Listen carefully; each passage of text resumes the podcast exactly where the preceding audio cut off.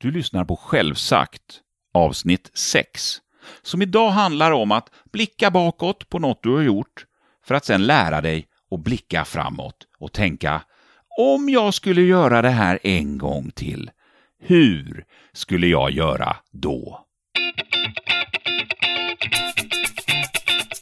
Självsagt är en podcast som handlar om att ha ett coachande förhållningssätt i livets olika utmaningar.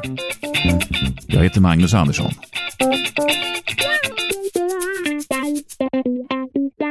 Nu tänkte jag att jag skulle göra en eh, så kallad AAR, en After Action Review. Och action i det här fallet, det är föreläsningen som jag hade på Hyper Island förra veckan. Jag var där och föreläste för ett gäng studenter om eh, agila metoder. Och eh, jag tänkte att jag skulle faktiskt bara ta och reflektera lite över vad var det som gick bra och vad var det som inte gick så bra. Vad kan jag lära mig av det här? Och framför allt, om jag skulle göra något liknande igen, hur skulle jag göra då? Alltså jag älskar det, det perspektivet. Om jag skulle göra det här igen, hur skulle jag göra då? Det perspektivet, istället för att tänka ah, det här gick inte så bra, oh, jag, jag är inte så bra på det här. Eller, eller ens tänka åh, ja, men det här gick ju jättebra, ja, det är jättebra, jag är riktigt bra på det här.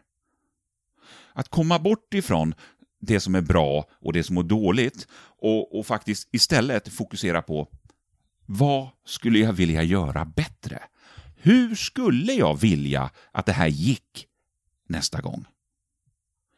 Det här knyter egentligen an till en bok av eh, Carol Dweck, en bok som heter Mindset, där hon pratar om att det finns i stort sett två olika mindset då hos olika människor.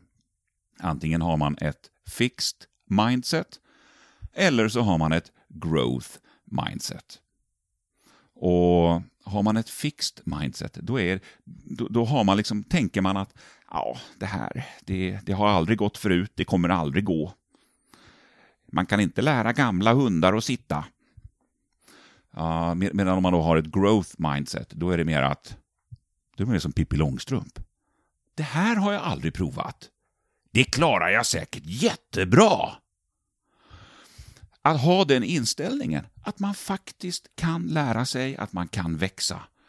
Det är inte bara i skolan när vi är barn och tonåringar vi lär oss. Vi, vi kan lära oss hela livet.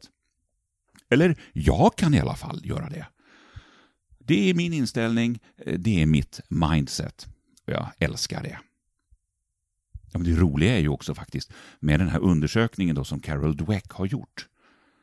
Att de som har ett fixed mindset de lär sig ingenting.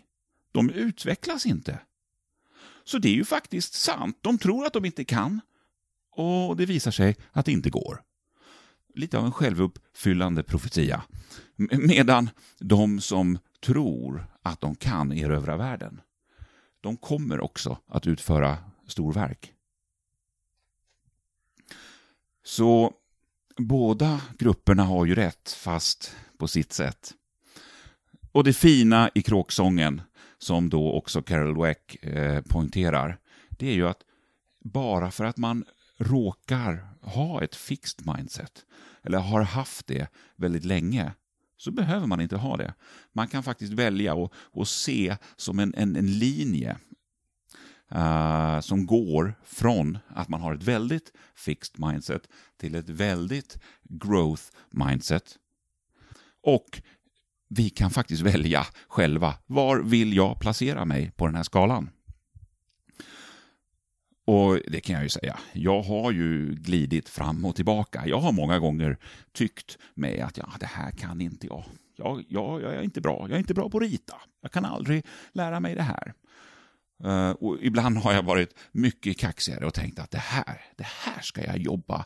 Jag ska jobba tills jag lär mig det. Och ibland är man lite mittemellan. Så det är ju inte så att man har, man sitter fast, utan man, man, kan, man kan vara på olika delar av den här skalan. Hur som helst. Eh, just nu känner jag att jag befinner mig ganska mycket ute på, som är, och att, att jag har ett growth mindset.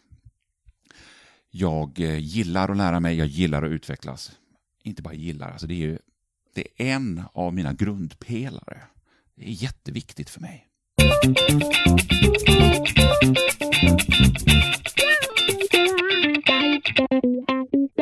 Om vi börjar med att bara titta, vad var det som egentligen hände? Mm. Och Några saker som hände, som, som jag tyckte som jag är nöjd med, som jag tyckte var bra, det är till exempel så um, jag började med att be alla att ställa sig på ett led. Eh, inte vilket led som helst, utan de fick själv organisera sig.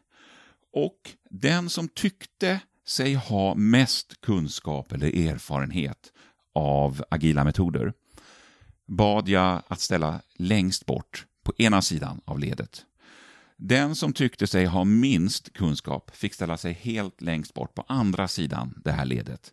Och så fick de själva placera ut sig längs den här linjen. Och det här, det här gillar jag. För att det sätter igång en energi i rummet. Folk börjar röra på sig, de börjar prata med varandra, de börjar skratta. Nu kände ju de här studenterna varandra, men, men eh, om det är en grupp som inte har träffats så är det här ypperligt att faktiskt bryta isen. Det här är en, en, en blandning av en energizer och en eh, icebreaker. Perfekt att börja med. Kan man, man, kan fråga några av dem som, som har ställt sig liksom, eh, på ytterkanterna då. Vad är det som gör att du har ställt dig här? Så man får lite återkoppling. Vad är det som gör att du har ställt dig här i mitten och på andra sidan? Det roliga var, jag frågade ju no några då som stod ganska långt upp mot att, att de hävdade att jag kan det här, eller jag tycker att jag kan Scrum och jag kan Agile. Vad är det som gör att du har ställt dig här? Då sa, sa en tjej, ja, men jag har ju tittat ganska mycket på den här serien Silicon Valley.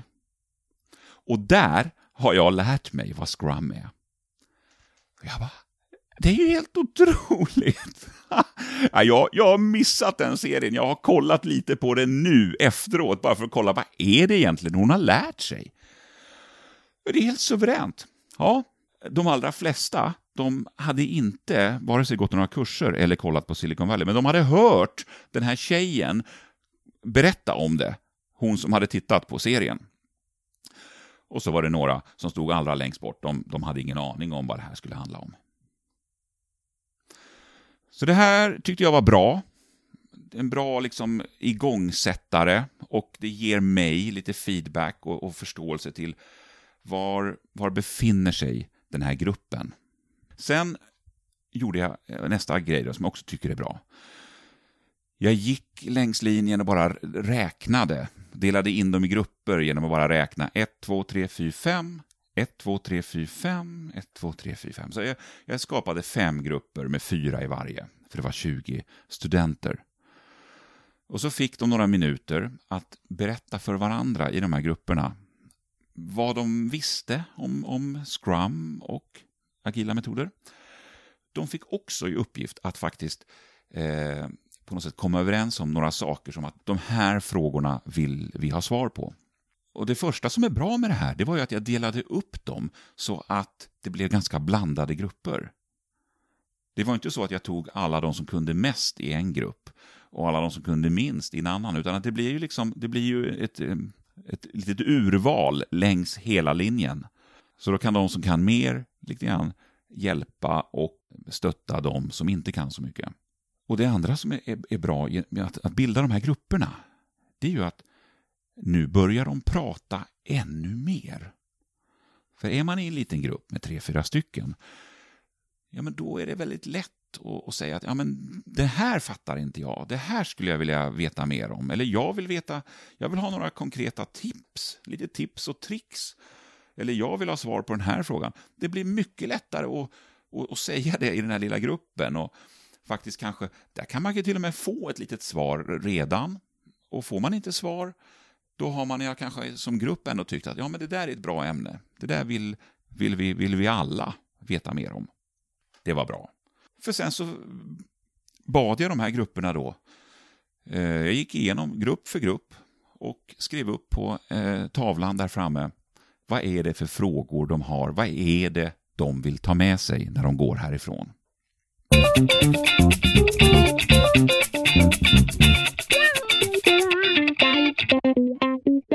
Nu kommer jag däremot till några saker som jag tyckte inte funkade så bra.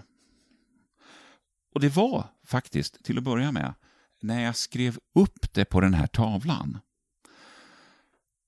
så insåg jag efter att ha skrivit bara en, en fyra, fem saker att alltså det spretar väldigt mycket. De vill väldigt olika saker. De kan väldigt olika mycket.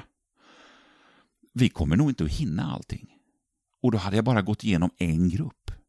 Men jag tänkte jag, jag måste fortsätta och liksom fånga upp allt det här. Men det blev bara tydligare och tydligare att vi kommer inte att hinna. Och det blev tydligt för studenterna också. Det tyckte jag inte var så bra. Sen eh, insåg jag också det att de här grupperna, de hade, några hade skrivit ner på en lapp, så de hade det ganska tydligt vad de ville fråga om. Några, de hade mest suttit och småpratat, så att de hade någonting och sen glömde de bort vad det var. Så det, det, det skulle man kunna ha gjort bättre också. Och sen min PowerPoint-presentation. Nu var det inte PowerPoint, utan det var Keynote. Men, men eh, oavsett, den här presentationen som jag hade, som jag körde på inte på overhead, för det vet jag, det var 1970, utan snarare på en, en projektor. Den presentationen, jag hade ju förberett den, som jag sa, och, och jag tyckte att den var svinbra helt enkelt. Om man får säga det själv. Men jag hade verkligen gått igenom alla de olika bilderna, uppdaterat dem, hade bra, alltså de var snygga, de var med fär, olika färger, man kunde följa liksom olika sektioner. Nu pratar vi om det här, gick det i en viss färgton. Och jag hade gått igenom dem och tagit bort saker som inte var nödvändigt. Jag tyckte den var bra. Den var lång, men den var bra. Tyckte jag först. Nu efteråt så insåg, inser jag att Eh, den var alldeles för lång. Inte det att den var att, att den tog upp, alltså alla saker var fortfarande bra, men jag skulle, jag skulle ha gjort på ett annat sätt. Det blev liksom ett, ett långt sjok av en lång presentation. Det är min observation just nu. Så ska jag komma till hur jag egentligen skulle vilja ha det, kommer jag till om en liten stund. Jag hade ju ett citat förra podden, alltså avsnitt 5, Planning is everything. Plans are nothing. Eller om det är precis tvärtom. Plans are nothing. Planning is everything. Av Dwight D. Eisenhower. Det här citatet eh, var ju liksom centralt för mig när jag höll på att förbereda och när jag höll på med själva planeringen. Och jag hade med det här citatet till dem också. För jag tycker att det är så bra att eh, själva arbetet man lägger ner i att planera någonting, det är viktigt, det är bra. Planen som kommer ut av planeringen, den är inte lika viktig som själva planeringen. Planen är en plan, men det kan visa sig att den här planen inte håller. Och det var ju precis det som hände när jag var där. Till exempel så var det ju faktiskt Eh, jag, min presentation, alltså jag hade ju gett det namnet Waterfall versus Agile. Alltså vattenfall eh, mot, eller jämfört med, agila metoder. Mm. Och den här presentationen körde jag ju, eh, en, alltså en liknande presentation körde jag då veckan innan i Tyskland för ett företag funkade jättebra. Alla var med liksom på banan och förstod vad det handlade om. Men det var ju det jag också upptäckte när jag frågade folk, när de stod på den här linjen. Den här linjen, eh, du vet, där det var de som kunde mest och sen så gick det ända bort till de som tyckte att de kunde minst. De som stod där på den sidan som inte tyckte de kunde så mycket. Där var det ju en som sa så här. Vad är vattenfall? Vad är det där med waterfall? Och då inser jag, men vänta, jag kan ju inte köra en presentation rakt av som jämför två olika modeller eller två olika metoder. Uh, om jag inte om de inte liksom känner till åtminstone en av de här metoderna. Och jag hade lite grann utgått ifrån att alla kände till den så kallade vattenfallsmodellen. Jag kan säga redan nu, Vattenfall, alltså det, är det är inte så att det är en enda modell, att det är liksom, man kan inte gå och läsa projektledning och säga jag ska gå den här Vattenfallskursen. Utan det är ett slarvigt sätt att bunta ihop eh, liksom traditionella projektmetoder, där det finns en uppsjö. Eh, de här metoder som på något sätt, man skulle kunna kalla dem för att de är linjära. De börjar på punkt A och så sträcker sig en planering till punkt B och däremellan så händer det massa saker som man då har planerat. Och, och den stora skillnaden mot då, en av de stora skillnaderna mot agila metoder är ju att de agila metoderna, du planerar liksom inte hela projektet på det sättet. Ett eller ett par år fram i tiden. Utan man planerar i korta cykler som upprepar sig hela tiden. Nu är inte, inte alltid samma cykler som upprepar sig, för då skulle man ju bara göra samma sak om igen, och om igen och om igen. Nej, men själva strukturen upprepar sig. Man planerar kort, ett par veckor, och sen jobbar man på eh, enligt vissa regler. Och sen så stämmer man av då efter två veckor kanske och eh, ser, har vi nått dit vi skulle? Eh, vad gick bra? Vad gick dåligt? Vad har vi lärt oss? Hur skulle vi vilja göra nästa vecka eller nästföljande veckor? Alltså fattar du? Det är precis samma frågor som jag själv ställer mig. Att man ständigt eh, gör den här typen av avstämning, att man är ute efter lärdomar och feedback och att man vill hela tiden förbättra. Det, det är väl en, en av de stora skillnaderna. Och, och jag hade ju tänkt i min eh, föreläsning att jag skulle liksom ställa de här två modellerna, den, liksom den linjära modellen och den eh, iterativa, cykliska, agila modellen mot varandra. Och då tänkte jag, jag menar, om man då kan Vattenfall så kan man ju liksom ha det som referens och ta avstamp i det när man sen jämför och ser skillnaderna, skillnaderna mot det agila arbetet. Och så inser jag det. Vad är Vattenfall? Jag, jag, kan ju liksom inte bara köra min presentation. Jag måste ju börja med att lägga grunden och berätta att det finns något som heter Vattenfall. Eller, heter ju inte Vattenfall, men det finns metoder som vi lite slarvigt och svepande kallar för vattenfall. Och sen börja bena ut skillnaderna.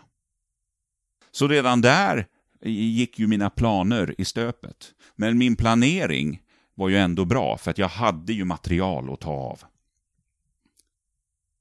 Så, om jag nu skulle göra det här igen, hur skulle jag göra då?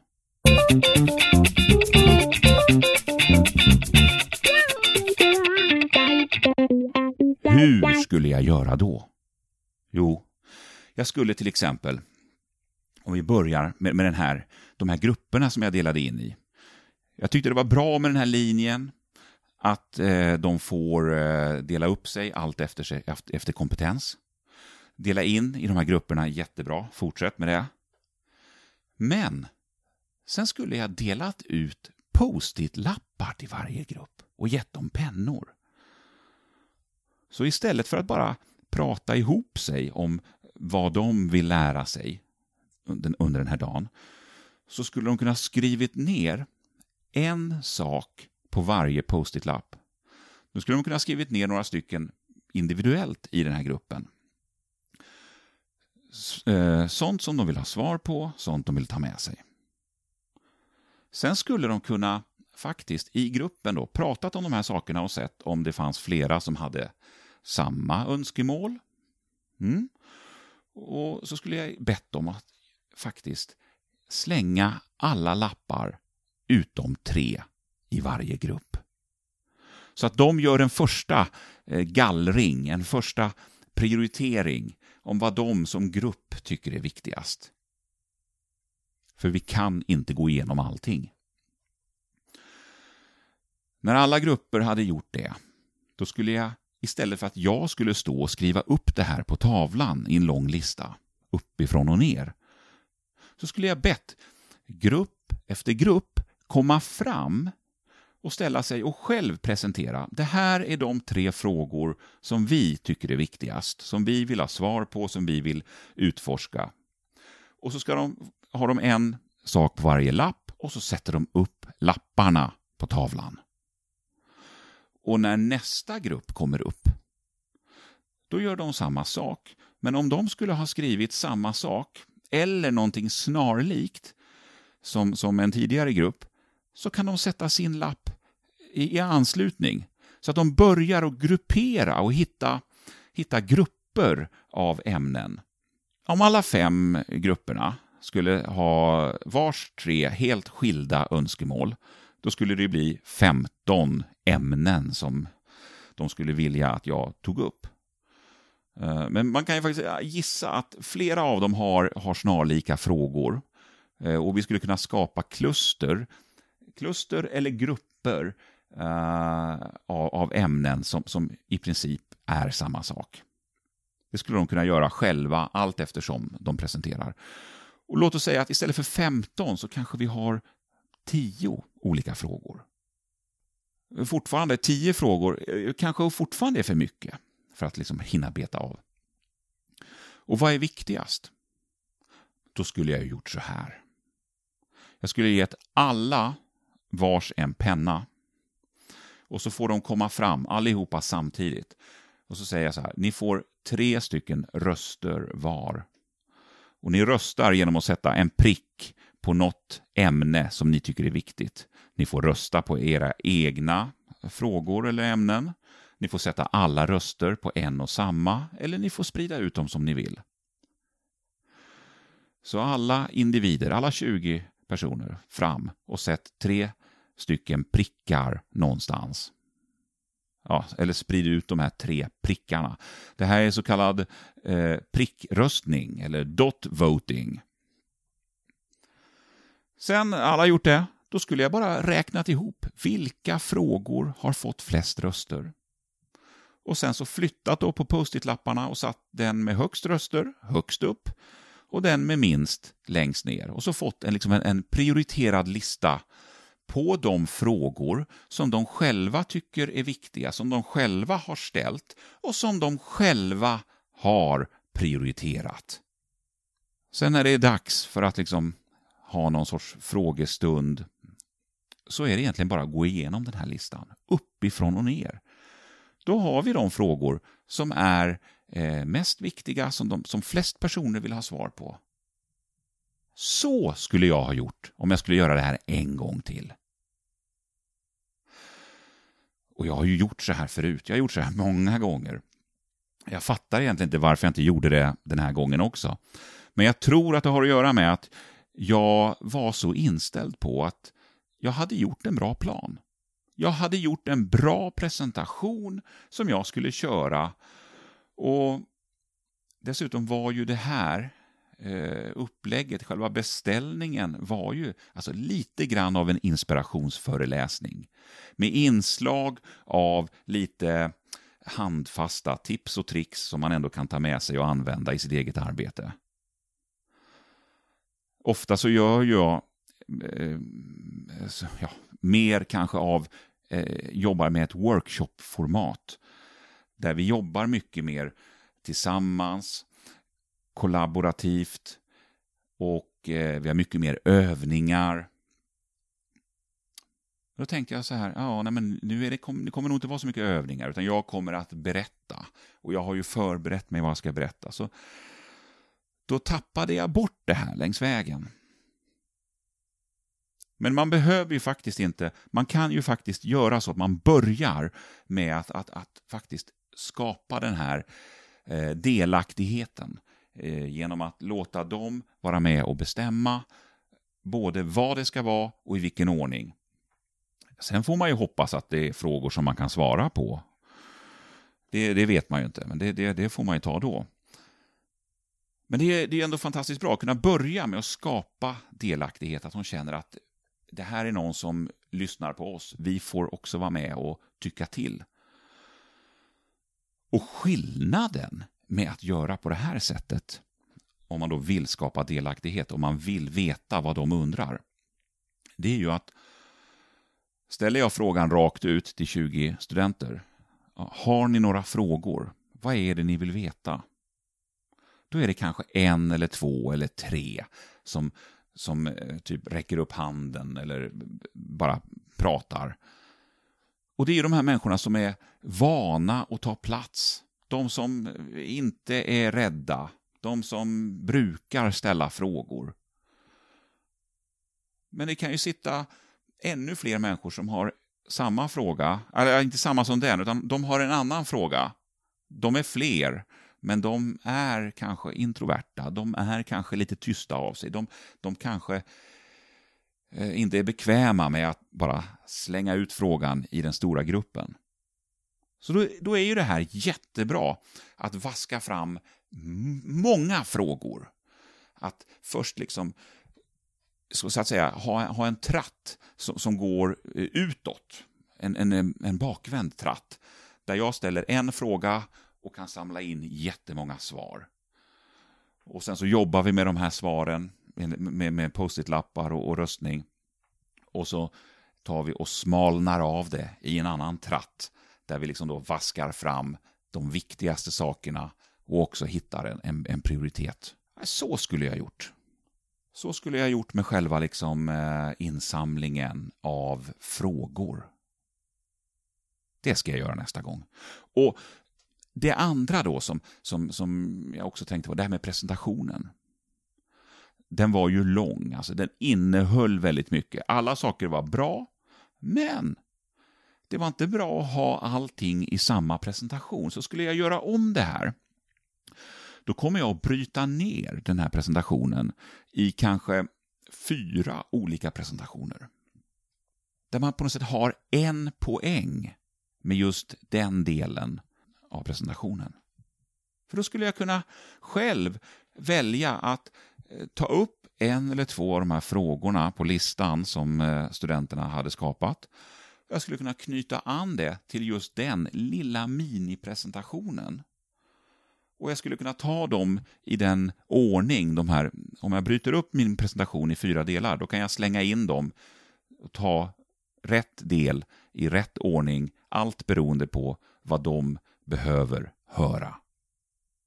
Så kommer jag göra nästa gång.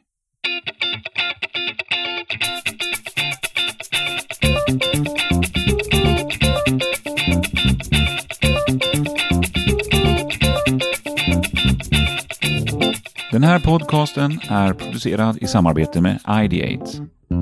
Information och länkar hittar du som vanligt i beskrivningen och på hemsidan www.ideate.se